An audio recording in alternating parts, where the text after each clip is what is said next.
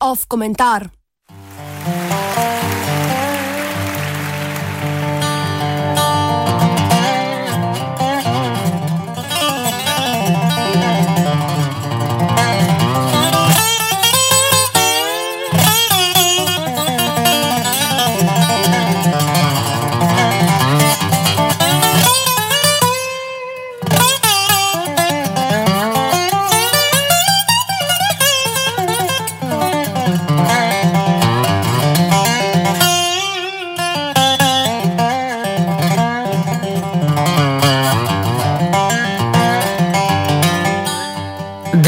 Demografija.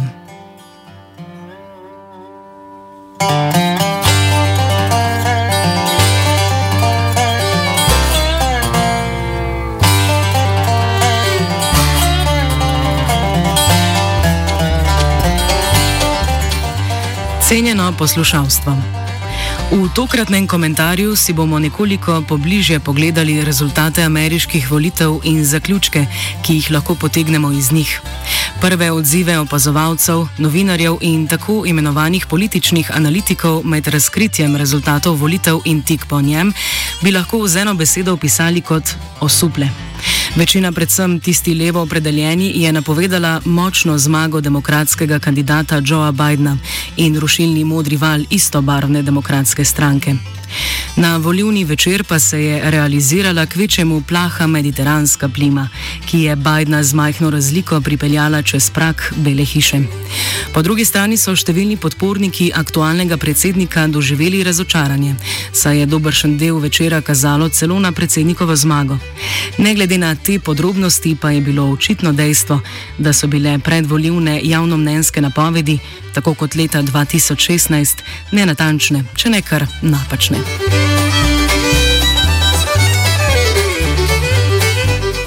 Da bi bolje razumeli, zakaj so se raziskave zmotile, si najprej poglejmo, kje, kako in predvsem kdo je glasoval na tokratnih ameriških volitvah.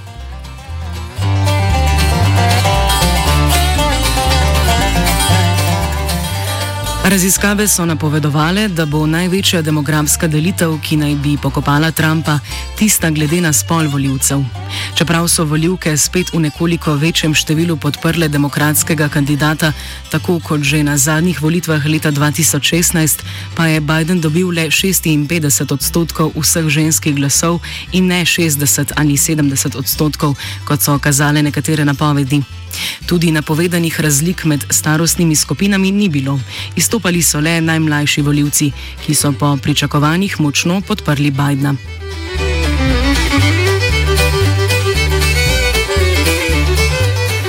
Del razlogov za napačne napovedi lahko tako iščemo v pretiranem pričakovanju, da bo Trump izgubil glasove žensk in starejših. Med voljivci, starimi več kot 65 let, je izgubil manj kot odstotek glasov. Trump je v določenih segmentih omenjenih populacij celo pridobil zdatno podporo, predvsem tistih, ki zaslužijo nad 100 tisoč dolarjev na leto in ki bi jih Bidenovi predlogi za dodatno obdavčitev bogatejših najbolj prizadeli. To je že prvi znanilec poročila o dejanskih odločujočih razlogih za rezultat volitev, ki jih bomo pojasnili v nadaljevanju.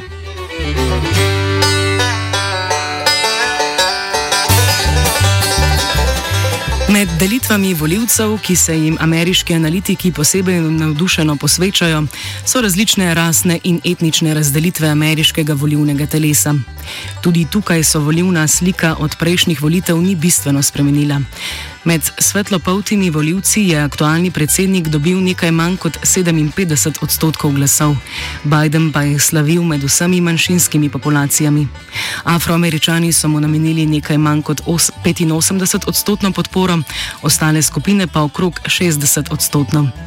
A veliko pomembnejše od skupnega števila glasov iz posameznih etničnih skupin je dejstvo, da so te glasovale izjemno raznovrstno glede na državo in okolje, v katerih živijo.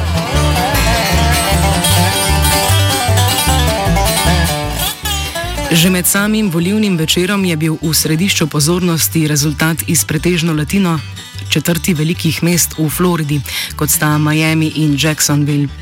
Tam so namreč kubanski in venezuelski priseljenci množično glasovali za Trumpa, s čimer se je na ravni zvezdne države povsem izenačil z demokratskim nasprotnikom, kar se tiče podpore latino skupnosti.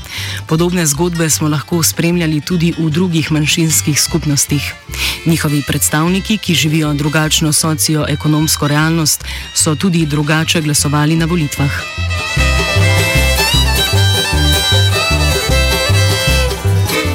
Po podatkih o volitvah se je delež belih voljivcev in volivnem telesu zmanjšal za več kot 5 odstotkov. To napovedano zmanjševanje je prav tako pripomoglo k napovedim, da bodo volitve 2020 izrazito demokratske. A odstopanje realnosti od napovedi nam da slutiti, da ameriški voljivci niso niti približno tako identitetno in etnično motivirani, kot so predvidevale napovedi. Trump naj bi po zadnjih poročilih, njihovi glasovi sicer še vedno prihajajo v števne centre, izgubil celo tradicionalno najbolj ideološko nabito in konzervativno skupino voljivcev, vojaško osebje.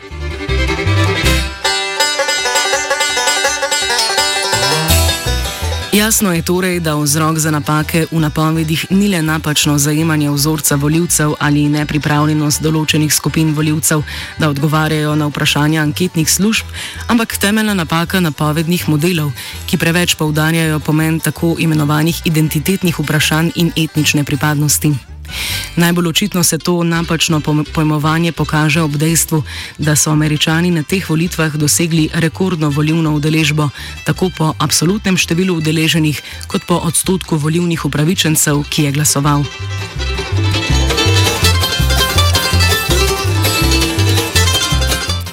Po letu 1900 namreč na volitvah še nikoli ni glasovalo dobrih 66 odstotkov voljivcev. Hkrati z linearnim večanjem prebivalstva ZDA, ki se je od leta 2000 povečalo z 280 na 330 milijonov, sta oba kandidata dosegla rekordno podporo. Joe Biden je dobil 76 milijonov, Trump pa 71 milijonov glasov, več kot Barack Obama v obeh svojih volivnih uspehih. To je še veliko večje presenečenje, kot se zdi na prvi pogled, saj je bila mantra političnih analitikov in znanstvenikov politologije zadnja leta, da povečanje volivne udeležbe avtomatično pomeni bistveno izboljšanje volivnega rezultata demokratov.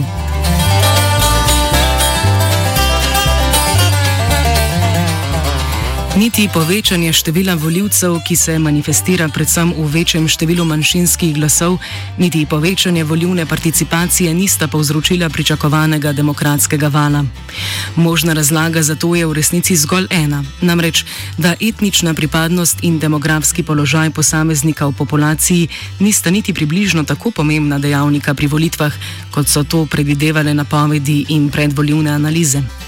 Tudi ankete, ki so jih opravili med voljivci na voliščih, kažejo, da identitetna in rasna vprašanja v zavesti voljivcev zasedajo le stransko mesto. Kaj je najpomembnejše? Odgovor je jasen. Economy, Skoraj 40 odstotkov voljivcev je povedalo, da je gospodarstvo najpomembnejši dejavnik pri njihovi odločitvi, na drugem mestu je pandemija novega koronavirusa, šele na tretjem pa rasna vprašanja.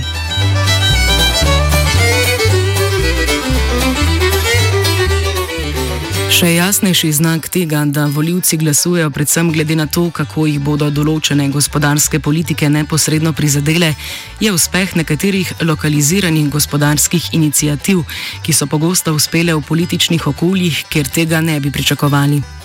Na Floridi, kjer je Biden v veliki meri izgubil prav zaradi Trumpovega svarjanja pred njegovimi socialističnimi politikami, so voljivci jasno podprli skoraj enkratno povečanje minimalne plače do leta 2026. Podobno zgodbo smo doživeli tudi pri volitvah predstavnikov, so, ko so demokrati doživeli hude poraze kljub obdržani prednosti v kongresu.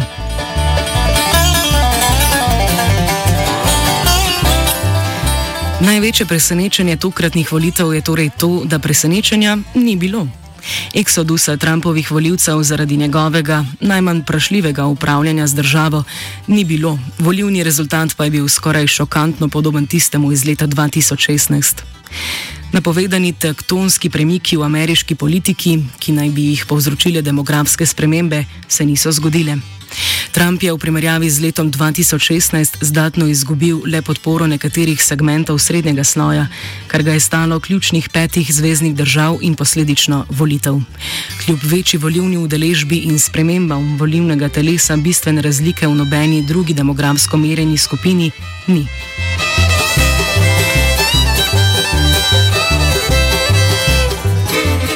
Kaj torej odloča o rezultatu ameriških volitev? Tako kot po volitvah leta 2016 lahko zaključimo, da kljub medijski krajini na obeh straneh, ki povdarja sporočila o konfliktu med različnimi družbenimi skupinami, voljivci še vedno gledajo predvsem na lastno dobrobit in preživetje.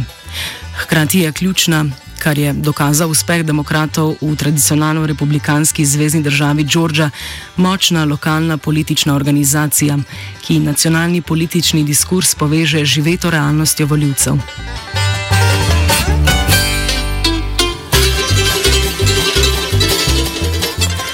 To lekcijo si velja zapomniti tudi za naslednje volitve pri nas.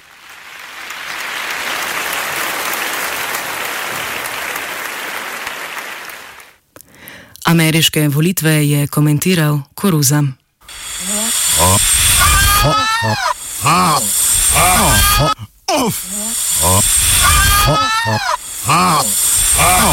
Off komentar.